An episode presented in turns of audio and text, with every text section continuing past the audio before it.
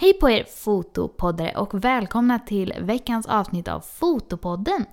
Jag som gör den här podcasten heter ju Maria Ekblad och jag jobbar som gravid och nyfödd fotograf i Göteborg. Om du vill se mer av mig och vad jag sysslar med i min studio så får ni jättegärna gå in och prenumerera på min YouTube-kanal. I det här avsnittet så intervjuar jag Martina Wärenfeldt och vi har ett jätteintressant samtal om hur hon har jobbat som fotograf i 23 år och hållit sig aktiv och konkurrenskraftig hela tiden. Och också om hur hon fotograferar sina fina fine art-bilder. Här kommer min intervju med Martina.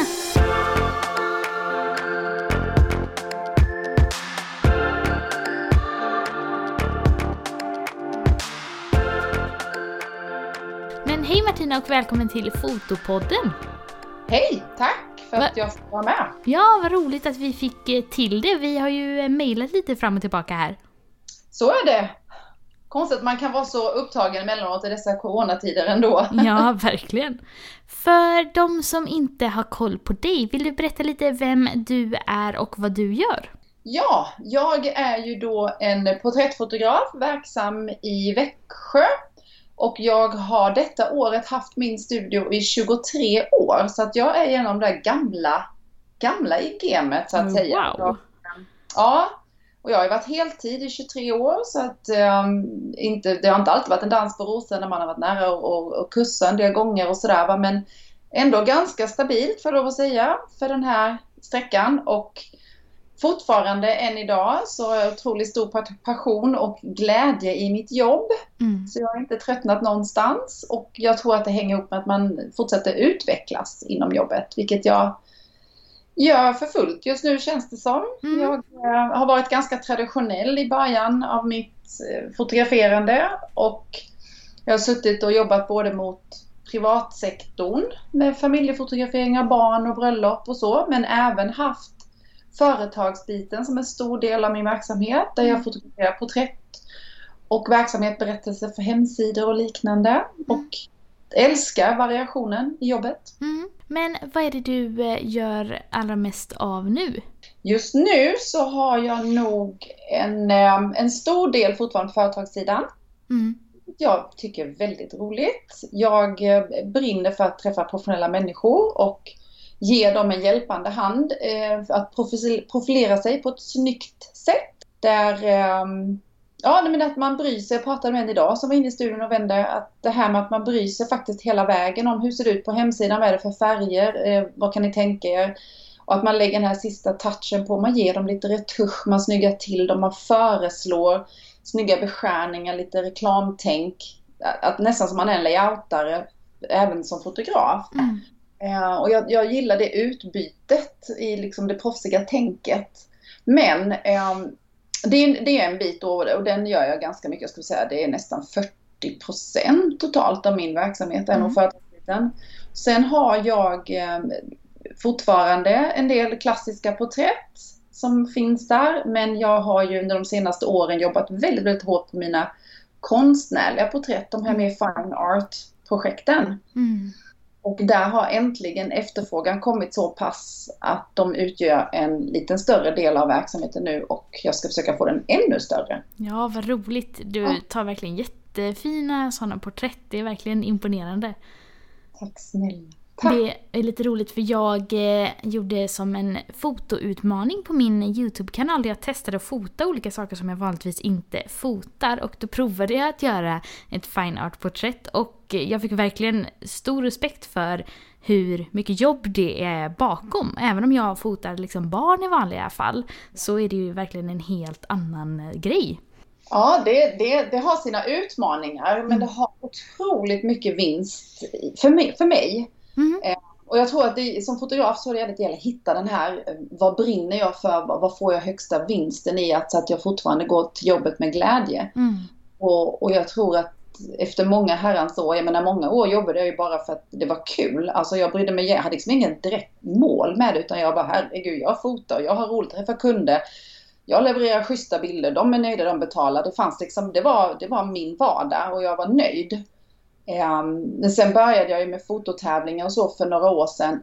Mest för att jag ville eh, eventuellt sätta igång lite utbildningar, lite workshops och så. Och då Mm. kände jag att innan jag går ut och säger att jag är bra på någonting så kanske jag ska ta reda på om jag faktiskt är det. så då, då sökte jag mig till SM och ehm, det är fem, fem år sedan tror jag det är Mm. nu i oktober och det gick himskans bra Mm. Första gången och där fick jag blodad tand och med tävlingarna och behovet av att, vad ska vi säga, nischa mig. Det finns ju så otroligt mycket fotografer idag och man konkurrerar på en ganska ojämn nivå. Mm.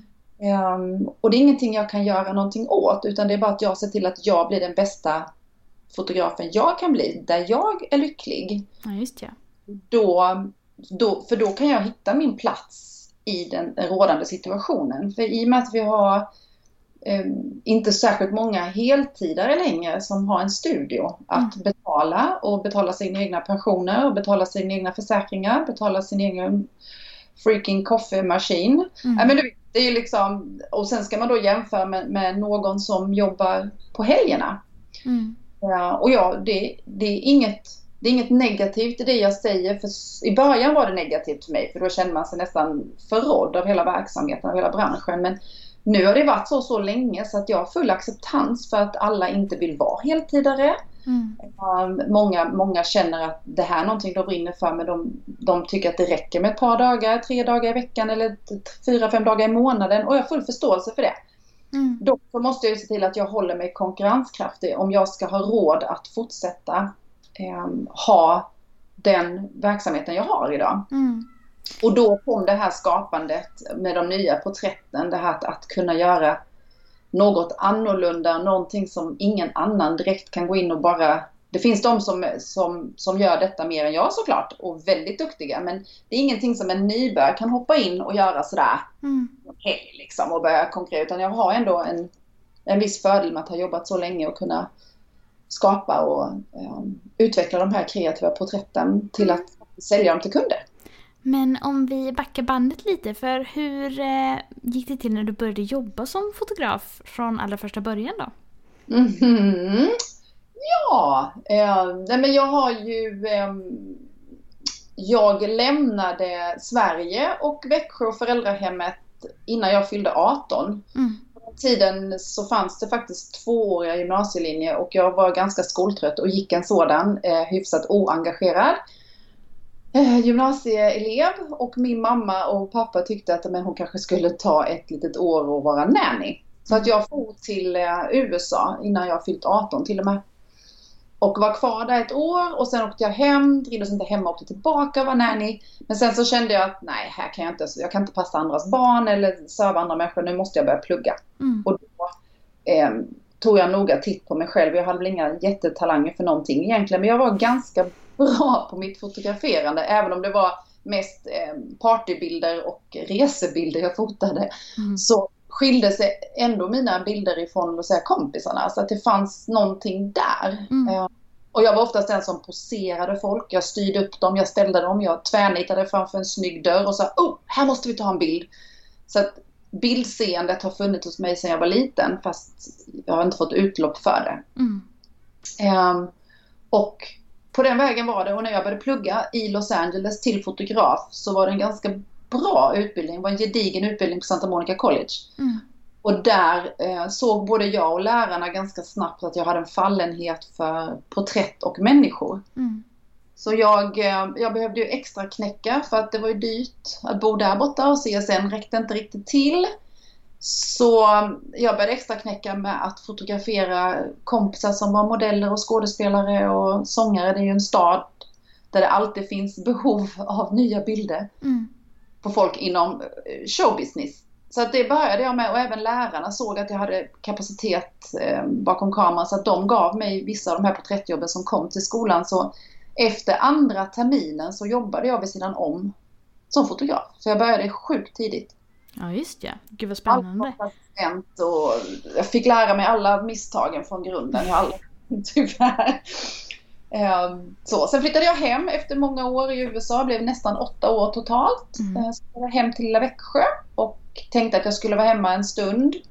och fundera över så att jag verkligen ville ha Kalifornien och inte bara valde bort, alltså valde bort Sverige när jag var 18 utan ta ett vuxet beslut vid 26 års ålder. Mm. Sen sprang jag på min lilla studio och eh, tyckte att den här var väl kul. Den, eh, här kan ju vara en porträttstudio. Mm. Och um, gick hem till mina föräldrar och sa att jag tänkte jag skulle öppna en porträttstudio. Och pappa gick i taket och sa det, men herregud du kan ju inte öppna en studio om inte du har några kunder. Mm.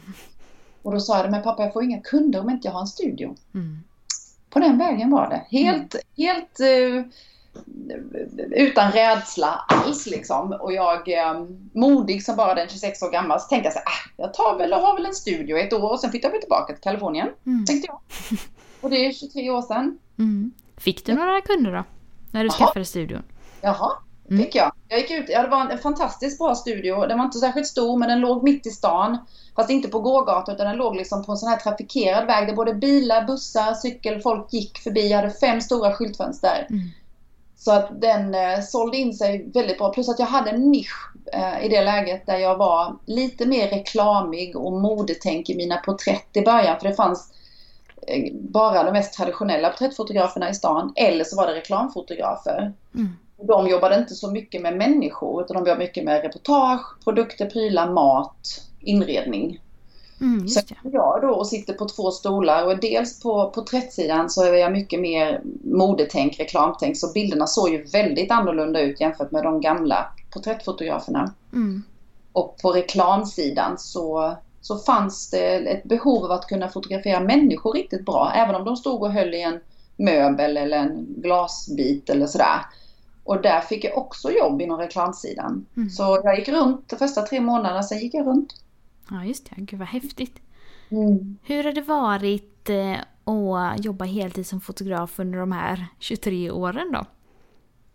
Ja, men det har ju varit sina utmaningar. Fast jag känner att det har inte riktigt funnits något alternativ till mig. Jag har nog... Eh, jag tror att jag, tror att jag är ganska envis egentligen. Mm. Uh, det kanske man behöver vara om man ska ge sig in på det här. Ja, lite så. Och sen känna att allting är möjligt. Jag har en väldigt positiv tänk när det kommer till livet och eh, jag tror att någonstans fick jag nog med mig kanske det från USA. För jag menar, jag var ju där från det att jag var 18 till 26. Mm. Det är ju ganska formande år. Mm. Där man skapar sig liksom lite av det här vuxentänket att vem är jag, vad vill jag, vad kan jag?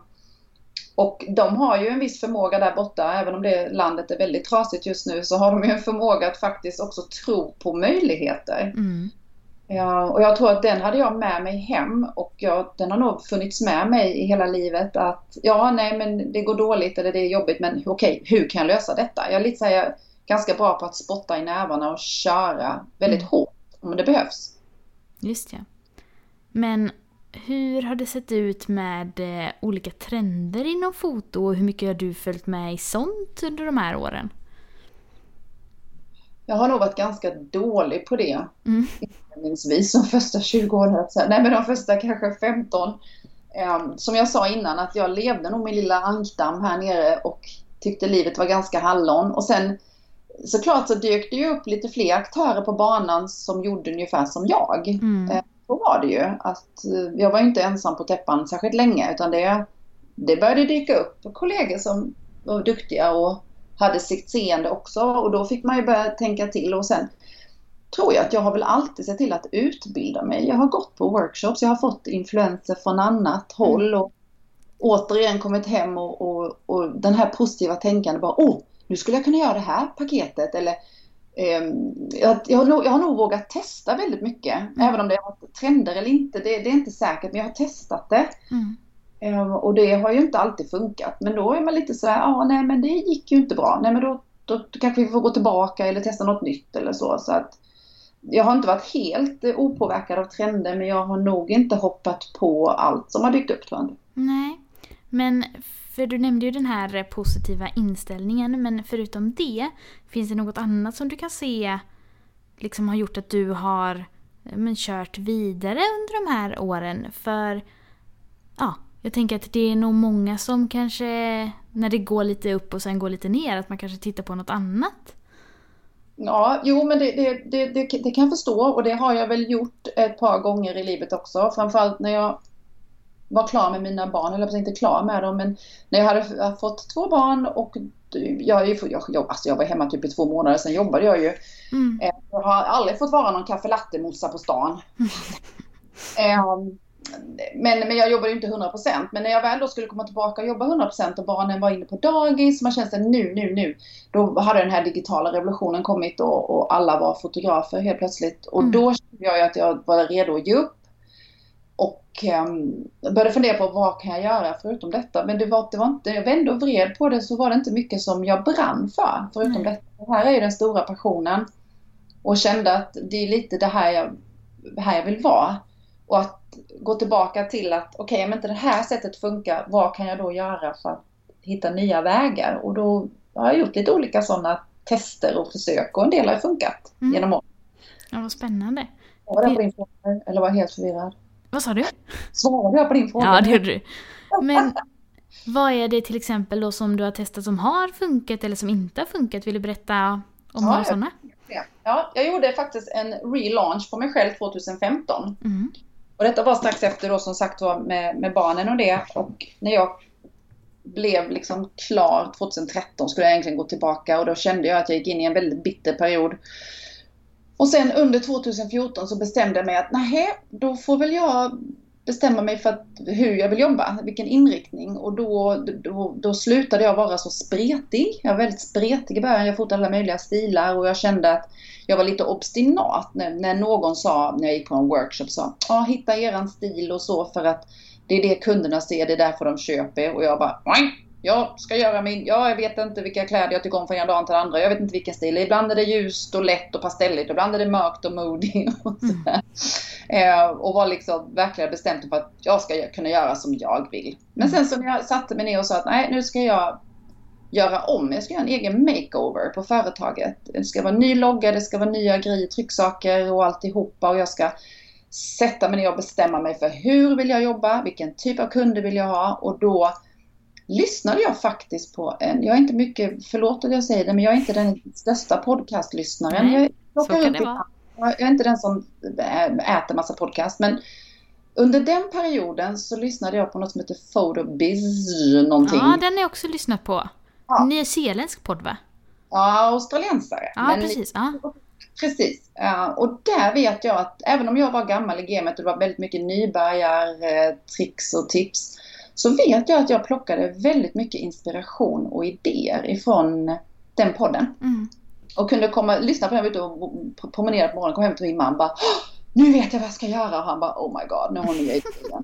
Så det var här, 2014 var ett år för mig där jag liksom rannsakade mig själv väldigt mycket och samlade på mig. Jag skrev i en bok um, From Great to Greater skrev jag en liten handteckningsbok jag hade mm. skrivit. Um, där jag skulle liksom 2015 um, verkligen bli mitt nya jag. Och jag gjorde det. Mm. Jag gjorde om hela min hemsida, jag gjorde om och jag satte mig ner, jag samlade på nätet olika bilder, vilken stil, vilken stil älskar jag? Och då vet jag att det var väldigt mycket av de här fine art-porträtten som jag föll för. Jag har kvar, det är så roligt, jag har kvar den mappen där jag samlade på mig eh, moodboards-bilder så att säga. Mm, mm. det har ju tagit några år men det har varit en liten, ja, kringelkrokig väg. Men jag är ju där nu, mitt uppe i det mm. och jobbar så som jag verkligen vill. Jag ska förfina det ännu mer men ja, mm. det funkade. Gud vad häftigt. Och när du kollar på den moodboarden idag, hur, hur känner du kring dina bilder jämfört med den? Ja, men jag, det jag känner att där är, jag är där nu. Jag, mm. är, jag har landat i, i den stilen mm. eh, så, så väldigt eh, till fullo. Det är fortfarande att jag sitter och leker med vissa eh, redigeringar, men jag går ju inte ifrån min egen stil särskilt mycket. Mm. Utan jag lär mig nya tricks och sådär och sen testar jag lite på det. Men det är ingenting som är omvälvande. Det är ingenting som kunderna ser som någon stor förändring. Utan mm. jag, sen ska, ska man kunna förändra sig. Men jag tror att någon klok människa sa att du kan, du kan förändra dig från en dag till andra men får tänka på ändå liksom lite försiktigt så att inte kunderna lämnar dig helt och fullt. Ja, just det. Mm. Ja. Men uh, hur hittade du fine art fotografering då? Var det när du det du berättade precis eller stötte du på det på något annat sätt? Nej men jag, dels, dels var ju väldigt många av dem jag gillade var av den, det hade den känslan på mm. bilderna. Och sen eh, så hade jag en episod jag brukar berätta om denna när jag föreläser ibland om just om konstporträtten. Att jag hade en episod när jag skulle fota mina barn ihop med deras kusiner för sådana julkort som vi skulle ge bort till tjocka släkten, förstoringar till jul och så. Mm. Och hade tagit på dem fina kläder och kommit liksom med bakgrund och allt. Och så hoppade min dotter in framför kameran för jag skulle bara kolla ljuset. Så jag bara, sätt det här lite snabbt och så. Så gjorde hon en gest, helt naturligt. Det var ingenting jag poserade, men hon gjorde en gest och en väldigt allvarlig min.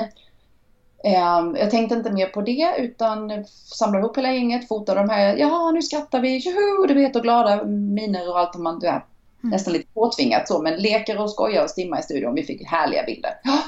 Och sen efteråt när jag gick igenom bilderna så var det ju den här bilden på min dotter när hon såg sådär lite allvarsam ut och liksom tittade på mig med stora ögon och hade liksom ett uttryck som var en närvaro men en, en mer själslig närvaro Mm. och så stojig och stimmig. Och då kände jag nog lite hur, hur hjärtat stannade upp. Och hur jag liksom blev lite kär i den bilden. Och den, det roliga är att jag har haft den på en utställning ganska tidigt och den hänger fortfarande här uppe på övervåningen i en gigantisk format. Och där, det var någonstans där det började för mig. Mm. Jag bara, det är hit jag vill ja, med mina porträtt. Gud vad häftigt. Ja, det är, det, det är en cool känsla är det. Sen, sen har man ju fått Sen, sen måste jag ju säga så här att det kommer ju inte, det ramlar ju inte ner i knät på mig att folk vill ha de här. Så att för att kunna jobba med det professionellt så har jag ju fått göra otroligt mycket privata projekt. Mm. Jo, det är klart. Show what you wanna sell och sådana Ja. saker. Precis. Och in med modeller och jag fotar liksom gratis för min egen vinnings skull så att säga. Mm. Jag, eh, ibland så har jag ju kunder som kommer in på lite mer klassiska familjefotograferingar där jag kan se att oh, den här flickan skulle jag vilja göra något extra med. Där jag ibland frågar familjen så här, är det okej om vi gör lite extra mot slutet? Mm. Har ni tid liksom? Och då kanske jag kör en halvtimme, 45 minuter utöver utsatt tid bara för att kunna få leka. Mm. Just en sån bild fick jag en av mina absolut största priser för. Mhm. eh, Mm. När jag fick guld i Las Vegas. Så att det, det, man vet aldrig och möjligheterna finns där ute. Men jag menar, det är ju ingen som betalade mig för att göra den sessionen liksom, Mm. extra.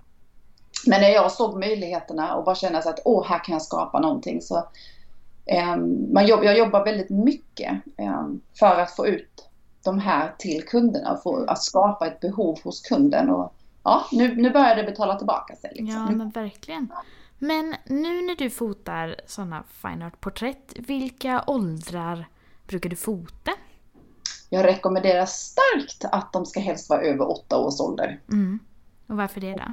Ja, du är ju själv barnfotograf. Ja.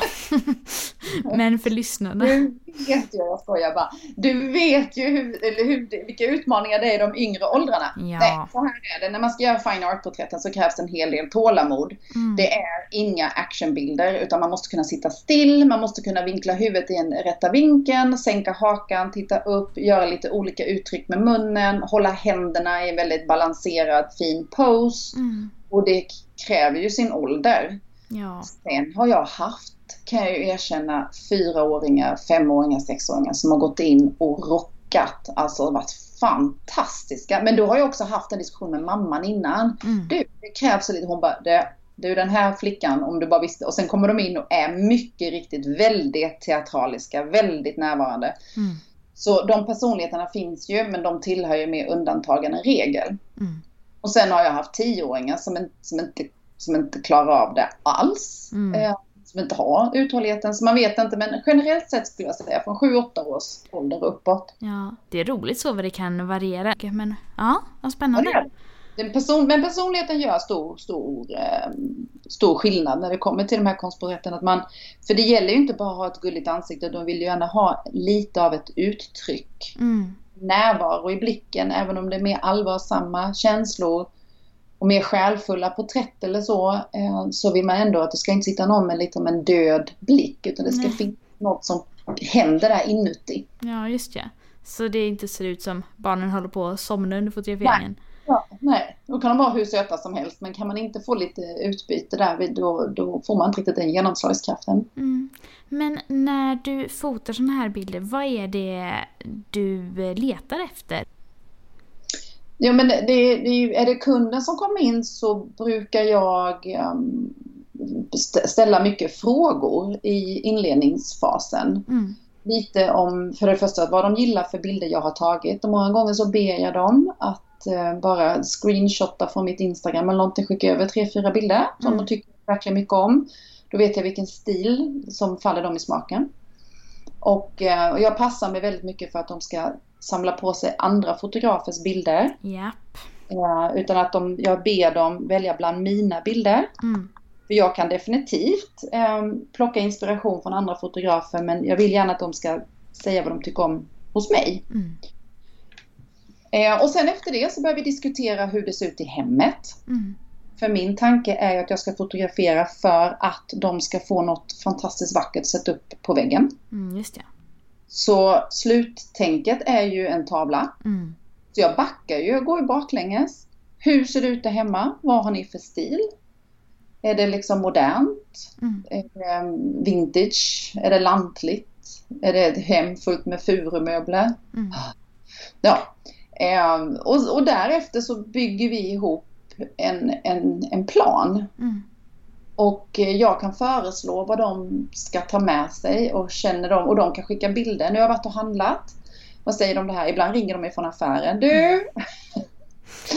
Så skickar de med. Men, men att man har, att man, man ger dem den konsultationen innan. Mm. Nej, sen när de har kommit förberedda, eh, då har vi fantastiska förutsättningar. Och har de inte lyckats hitta så mycket så har jag ju redan hunnit tänka att Mm. jag kan ha lite på lager. För jag har ju samlat på mig ganska bra rekvisita Ja, lager. precis. Det var det jag var lite nyfiken på. Hur mycket rekvisita erbjuder du? Ja, jag erbjuder allt jag har. Ja. Eh, Så det är ingenting någon behöver betala något extra för utan det ingår. Jag ser till att ta rejält betalt från början. ja, precis. Så att man inte, framförallt man sitter i en position där folk uppskattar det man gör. eh, Så att de, eh, i- min, min, min teori har varit så här att jag vill ha, jag vill ha, vad ska vi säga, jag vill ha uppskattning, att folk är glada i det jag gör. Mm. Eh, Och sen, men jag vill också ha monetär uppskattning. Det Mm. vill säga, folk är redo att investera. För det jobbet jag lägger ner och så hårt som jag jobbar, om inte jag får en vettig peng för det, då kan jag lika gärna lägga ner och göra det på fritiden. Mm. Men när folk känner att okej, okay, det är inte budgetvarianten, det kostar en del, men vi vill investera i detta. Då har de redan lagt in sitt själ och hjärta i projektet. Mm, just det. Då har jag fått den kunden som jag vill ha. För då är jag redo att lägga min själ och hjärta i projektet. Jag har ju märkt att de gångerna jag gör lite för billiga, ibland gör jag så här, jo nu coronatider, liksom så här extra driver och så. Och Mm. många gånger jag gör det lite för billigt och lite för, alltså du vet så här anpassat. Nu är vi specialare, de här, en månad framåt så gör den här. Det är inte, det är inte mycket, vad ska vi säga, engagemang från kunden. Nej, För det precis. köper det bara för att det är billigt och det är inte min kund riktigt utan Mm. ja, vill ha någon som engagerar sig. Men hur går det till rent praktiskt? Hur många bilder presenterar du för kunden som de får välja mellan? Och gör du färdigt bilderna helt innan? Eller hur ser processen ut där? Jag gör inte färdigt mina bilder. Mm. Det skulle ta alldeles för lång tid. Mm. Jag eh, presenterar min kund med lite olika vad det är för sorts paket. Jag menar, är de hos mig i fyra timmar så är det självklart en uppsjö med bilder. Men Mm. om vi säger en runt två timmar som är en standard för konstnärsporträtten då. Mm. eller konstnärliga porträtten, då brukar jag ligga på kanske en 30. Mm. Då. Jag försöker hålla mig där. Sen är det en fantastisk session, ja då kan det vara 45, 50, 60.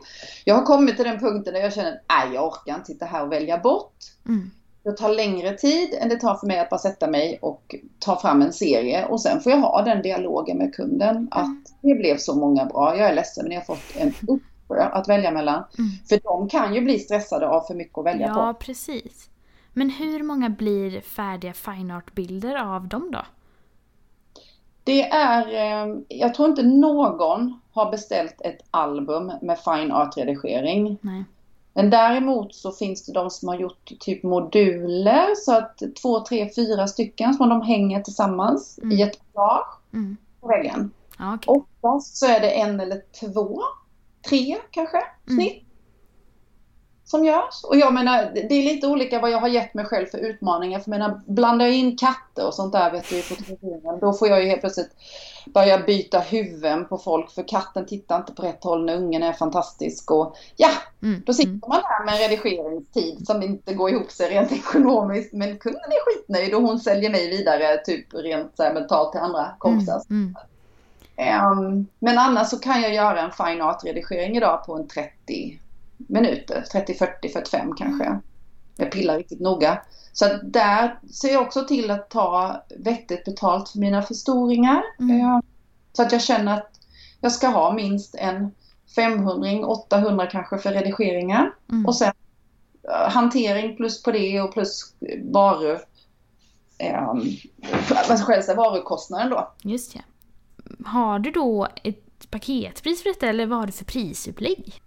Ja, det är under förändring skulle jag vilja säga. Nej då, mm. men jo, men jag, jag, jag, jag jobbar konstant med detta. Jag förändrar mig så ofta. Alltså mm. det är kanske inte varannan månad, men jag, jag kan ju börja ett typ januari och bara nu har vi nya, sen så kan det komma typ maj bara, fast det här funkar ju inte, det måste jag säga bara, kommer jag gå ut så här innan semestern bara, jag har lite nya paket här nu. Mm.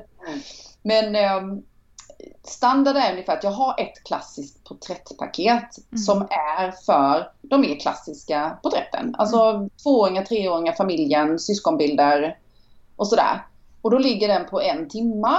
Eh, jag tar 2990 för det mm. och då får de ett USB med lågupplösta webbbilder med min mm. signatur på bara för att de ska ha som ett urval.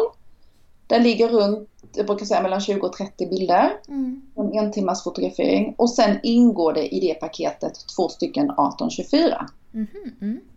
Um, mest för att jag skriver den, de storlekarna själv på jobbet så jag har väldigt lite omkostnader. Mm. På, och när det är en 1824 så är, krävs det inte någon jätteredigering. Om de ska upp en, en större storlek så måste jag liksom jobba mer så där kan jag känna med en ganska liten insats så kan de få en fin bild som ingår i det paketet. Mm.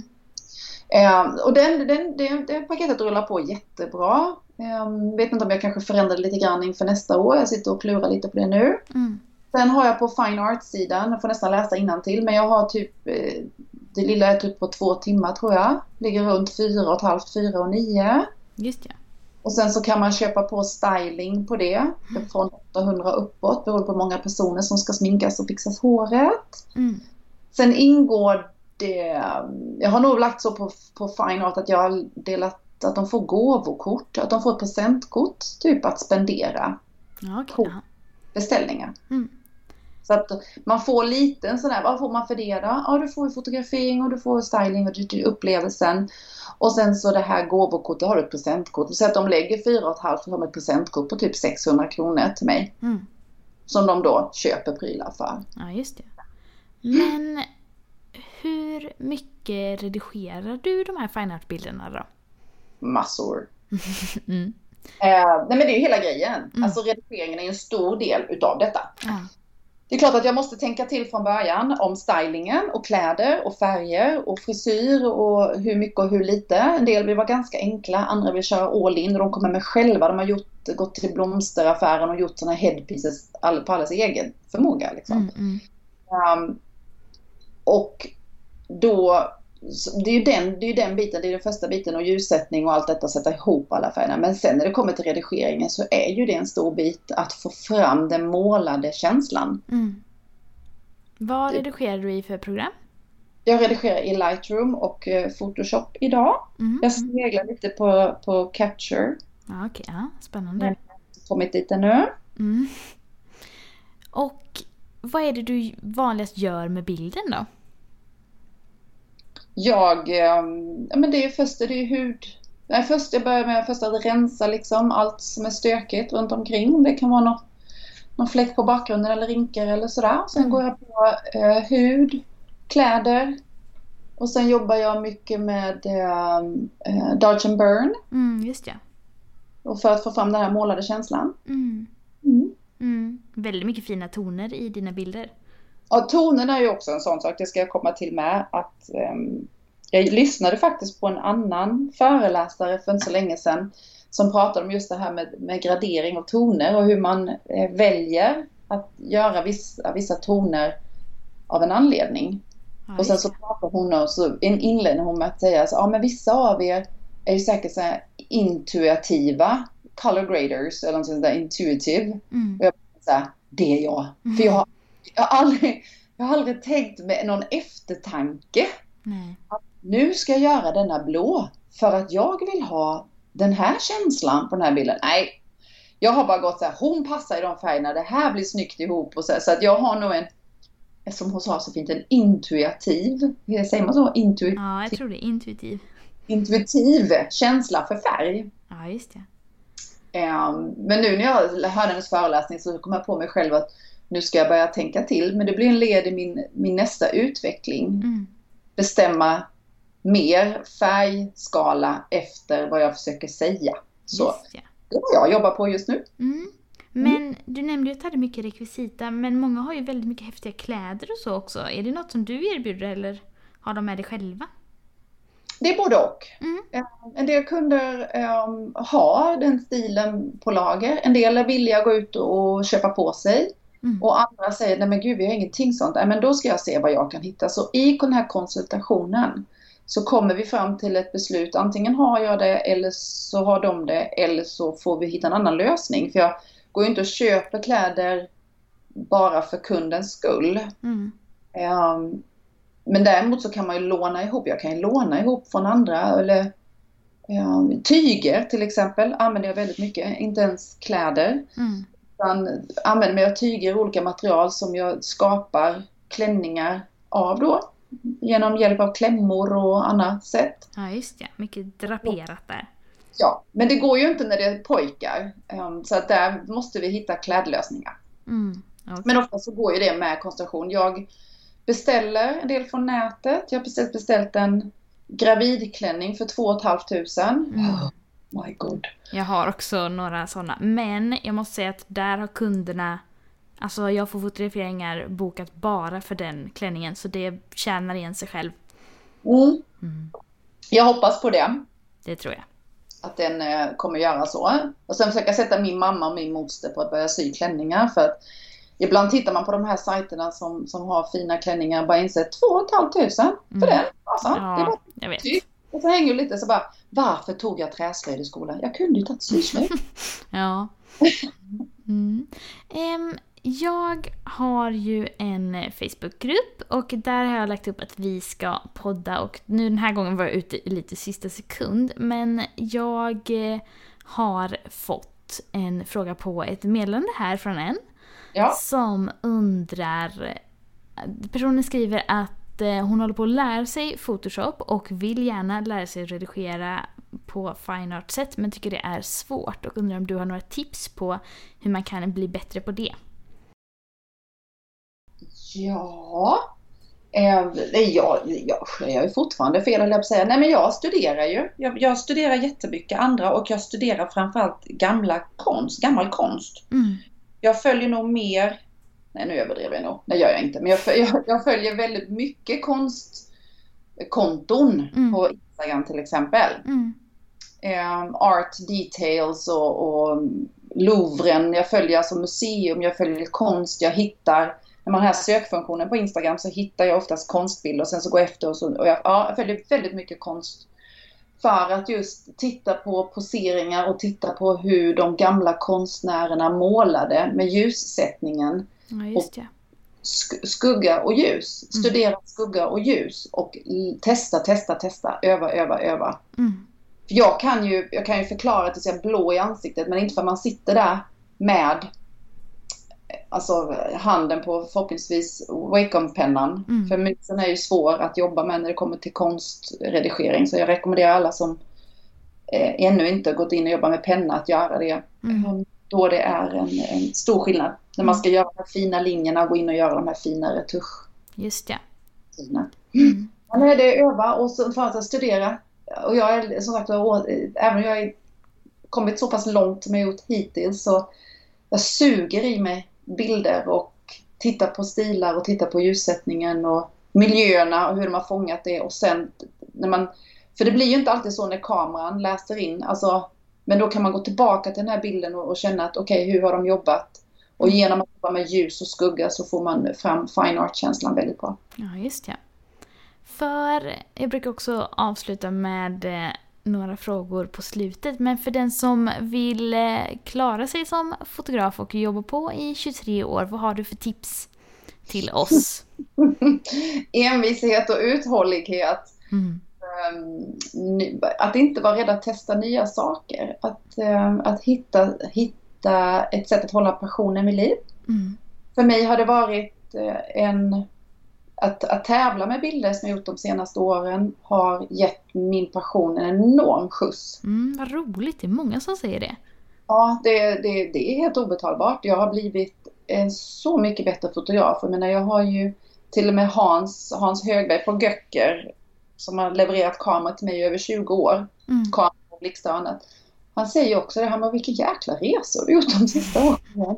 För han är lite lika förvånad. Han har ju verkligen känt mig sedan början, oh my god. Mm. Eh, med allt jag har lärt mig rent tekniskt och hur jag utvecklas. Men det är mycket av tävlandet som har gjort att man har fått den här eh, känslan av att skapandet kan ge en tillfredsställelse och då behöver inte jag bekräftelse men att man vet att man är på rätt håll. Mm. Och att, I och med att man får den här bildkritiken, det är ju, det är ju egentligen av de sakerna man har failat med som har lärt en allra mest. Mm. Eh, och att man då känner att man, man vill utveckla det och att förfina det. Och ja, det ena ger det andra och det spiller ju över till mina kunder. Mm. Så att de får ju en helt annan kvalitet även från mig på en vanlig kundfotografering. Ja, just det. Ja, gud vad kul.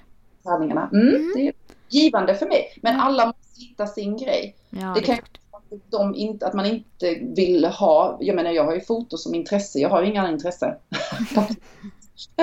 jag sitter och redigerar för att jag njuter av den, min familj sitter och kollar på TV. Jag bara, jag ska bara redigera en bild. För att jag behöver Mm. För mig är det ju, det är ju, eh, ja, jag har ju ett konstigt behov av att skapa. Mm. Så skapande för mig är ju en drivkraft. Det. Medan kan det ju vara att de behöver ge sig iväg ett par veckor och klättra i träd. Mm. Jag har ingen aning liksom. Eh, Så man måste nog hitta det som ger en passion som kan spilla tillbaka på jobbet om man ska orka hålla på så länge. Mm. Ja, men vilket jättebra tips. Om man vill hitta dig och dina bilder på internet, vart går man då? Då går man först och främst när det kommer till konstporträtten så går man till Instagram på Martina underline Varenfelt. Mm. F-E-L-D-T, men man hittar mig när man börjar slå Martina Varenfelt. Just det. Sen mstudio.se har jag min hemsida. Mm. Och Fotopodden hittar ni ju på Facebook, Instagram och på i Fotopoddens Facebookgrupp. Och mig hittar ni på Facebook, Instagram och på fotograf Maria Ekblad på Youtube.